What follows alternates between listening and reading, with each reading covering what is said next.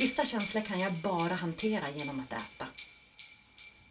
Nej, det är en form av en viktmyt.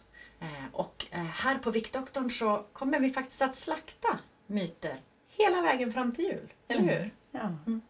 Eh, Så det är jag som är Camilla, det här är Rebecka. Eh, Och Rebecka, vad är det som händer när man får för sig sådana här saker?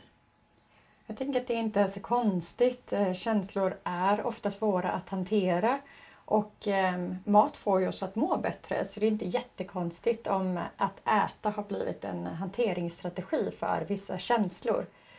Men eh, känslor är inte kommandon. Känslor är signaler som kommer med viktig eller värdefull information. Så man tänker ungefär så en obehaglig eller eh, ovälkommen känsla eh, som ett eh, alarm, som ett brandalarm. Då är det upp till eh, dig att eh, avgöra om det här alarmet är eh, skarpt, om eh, man behöver göra någonting.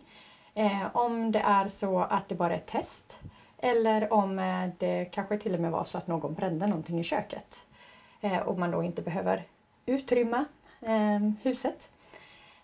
Så känslorna kommer med information som vi behöver tolka.